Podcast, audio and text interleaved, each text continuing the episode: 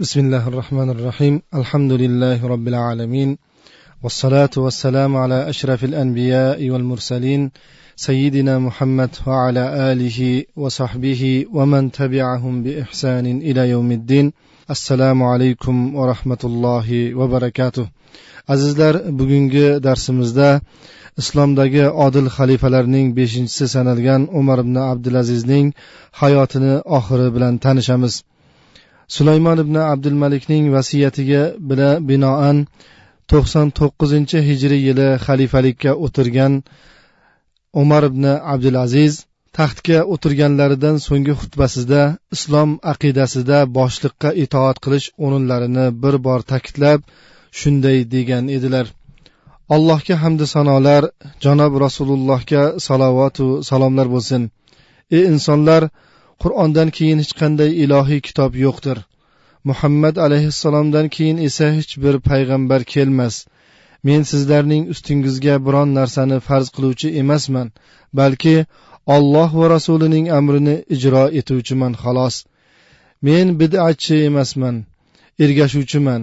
Men yaxshilaringiz emasman va lekin eng yuki og'irlaringizman. Zolim boshliqdan qochgan kishi zolim emasdir. Ogoh bo'lingiz kim? Parvardigorga ma'siyat qilinadigan o'rinda biron maxluqqa itoat qilinmaydi. Podshohlik taxtiga o'tirganlar suyunadigan bo'lsa umar ibn abdulaziz xalifalikka vasiyat qilinganlarini bilgach rosa yig'ladilar.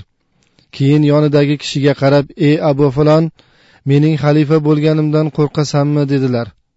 Yonidagida kishi dirhamni ya'ni pulni yaxshi ko'rasizmi? dedi. Yo'q dedi umar ibn abdulaziz. O'ndoq bo'lsa qo'rqmang. Albatta olloh sizga quvvat beradi deb tasalli berdi haligi kishi. Anbasa ibn said ibn os umar ibn abdulazizning huzuriga kirib ey amiral mo'minin saraflaringiz bizlarga hadyalar berib turardi. Siz esa bizni hadyalardan mahrum qildingiz. Yo bola chaqamni boqish uchun chorbog'imga borib ishlaymi endi? dedi. Shunda umar ibn abdulaziz sizlarning suyukliroqliklaringiz boriga shukur qilgan kishidir. O'limni ko'p eslang. Agar qiynalib yashayotgan bo'lsangiz o'limni ko'p yodga olish hayotni sizga keng qilib qo'yadi. Bordiyu farovon hayotda yashayotgan bo'lsangiz u holda sizga dunyoni tor qiladi deb nasihat qilgan ekanlar. Islomdagi odil xalifalar shaharlarni obod qilishdan avval xalq orasida adolat o'rnatib qalblarni obod qilishni o'zlarining eng oliy burchi sanardilar. Umar ibn abdulazizning voliylaridan biri agar amiril mo'minin munosib ko'rsalar shahrimizni ta'mirlash uchun bir oz mablag' ajratsinlar deb maktub yo'lladi. Unga javoban xalifa xatimni o'qing va shuni yaxshilab bilib oling. Shaharni taqvo bilan qo'rg'onlab yo'llarini zulmdan poklangiz. Ana shu haqiqiy ta'mirlashdir deb xat jo'natgan ekanlar. Yer yuzida ko'ngli tusagan narsani yeb ichib xohlagan qizga uylanib atrofiga yuzlab kanizaklarni to'plab kun bo'yi maishatdan bosh ko'tarmagan dunyo lazzatidan bas degancha nasibasini olgan podshohlar tarixda ko'plab o'tgan. Islomning odil xalifalaridan biri umar ibn abdulaziz nimaga qo'lini cho'zsa yetadigan ko'ngli tusagan narsani dunyoning har joyidan keltirib yeyishga qodir bo'lgan bir davrda oxirat hayotidagi noz ne'matlarni bu foniy dunyonikidan ustun qo'ydilar. Xalifa bo'lganlaridan keyin qorni to'yib non yemadilar. Yamoq ko'ylakni igniga solib podshohlarga mos qabolar kiymadilar. Xalifa bo'lmasdan burun mol dunyoyim qancha ko'paysa nafsim undanda ko'prog'ini juda xohlardi. Mol dunyoning cho'qqisiga yetgach esa nafsim undanda afzalini ya'ni jannatni xohlab qoldi degan edi. Umar ibn abdulaziz. Xalifaning bichilgan xizmatkori abu umayya aytadi sayyidam fotimaning huzuriga kirdim. U menga yasmiq yovg'onini taqdim qildi. Men har kun yasmiq yovg'onimi? dedim. Sayyidam amirul mo'minin suyib yeydigan taom mana shudir deb javob berdilar. Salaflarimiz huzuridagi turli noz ne'matlardan o'zini tiygan kishini taqvodor derdilar. Taqvodorlar esa o'zi lozim tutgan taqvoni boshqalarga yuklamas edilar. Ana shunday taqvodor salaflarimizdan biri umar ibn abdulaziz xalifa bo'la turib yasmiq yovg'onini yeyar yamoq ko'ylak kiyar edilar. Shunga qaramasdan u ulug' zotning kunduzida bor g'am tashvishi qo'l ostidagi raiyat orasida adolat o'rnatish tunda esa parvardigor ibodatiga yuz tutish edi. Xuroson voliysi jarroh ibn abdulloh xalifa umar ibn abdulazizga xuroson xalqi yo'ldan chiqdi. Ularni faqat qilich bilan qamchi o'nglaydi. Agar amirul mo'minin ruxsat bersalar ularning adabini bersam deb maktub yo'lladi. Bu xat javobini xalifa shunday qaytardi. Ammo bad. Menga siz yo'llagan maktub kelib yetdi. Siz unda xuroson odamlari yo'ldan chiqqan ularni faqat qiluvchi qamchi yo'lga soladi degan ekansiz. Bekorlarning beshtasini aytibsiz. Ularni adolat bilan haqiqat o'nglaydi. Siz ular orasida mana shu narsani yoying. Vassalom. Taqvosiga tan bergan ba'zi kishilar umar ibn abdulazizga vafot etsangiz sizni madinaga olib borib janob rasululloh sollallohu alayhi vasallamning oldilarida to'rtinchi qabr qilib dafn etsak shunga nima fikr bildirasiz? debdi.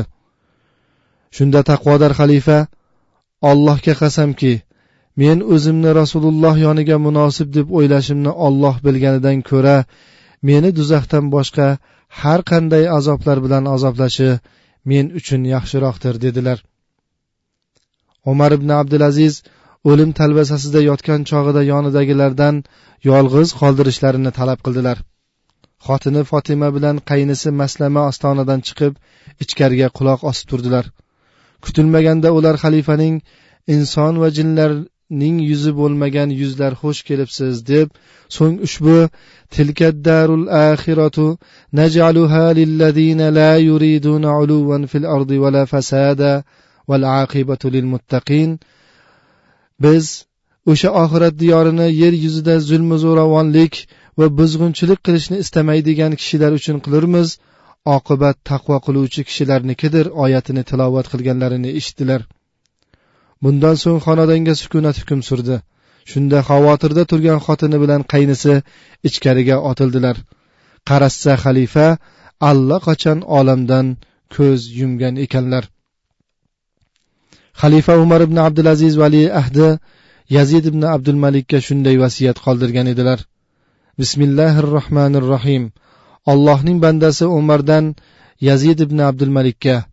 Darhaqiqat men undan o'zga sig'inishga haqli iloh bo'lmagan allohga cheksiz hamdlar aytaman. Amma ba'd. Men sizga bu vasiyatimni to'shakda og'ir betob yotgan holimda yozdim. Men barcha boshliq bo'lgan amallarimdan mas'ulman va dunyo va oxiratning podshohi barcha amallarim uchun meni hisob kitob qilishi aniq. Ayni chog'da men u zotdan biron narsani berkitishga qodir emasman. Agar u zot mendan rozi bo'lsa shubhasiz muvaffaqiyatga erishaman va uzoq xorlikdan najot topgan bo'laman. Bordiyu u zot menga g'azab qilsa u holda toqat qilolmaydigan azob oldida sho'rim quriydi. Undan o'zga sig'inishga haqli iloh bo'lmagan ollohdan o'z rahmati bilan meni do'zax otashidan saqlashini mendan rozi bo'lishini va jannatni so'rayman. Siz esa ollohdan qo'rqing raiyatga yaxshi qarang chunki siz mendan keyin dunyoda ko'p qololmaysiz. Vassalom. Umar ibn abdulaziz shahid ketdilar. Chunki u kishiga o'zining amakivachchalari zahar ichirgan edilar. Xalifa ichgan suvlari va yegan taomlaridan ehtiyotkorligini ko'rmas edilar.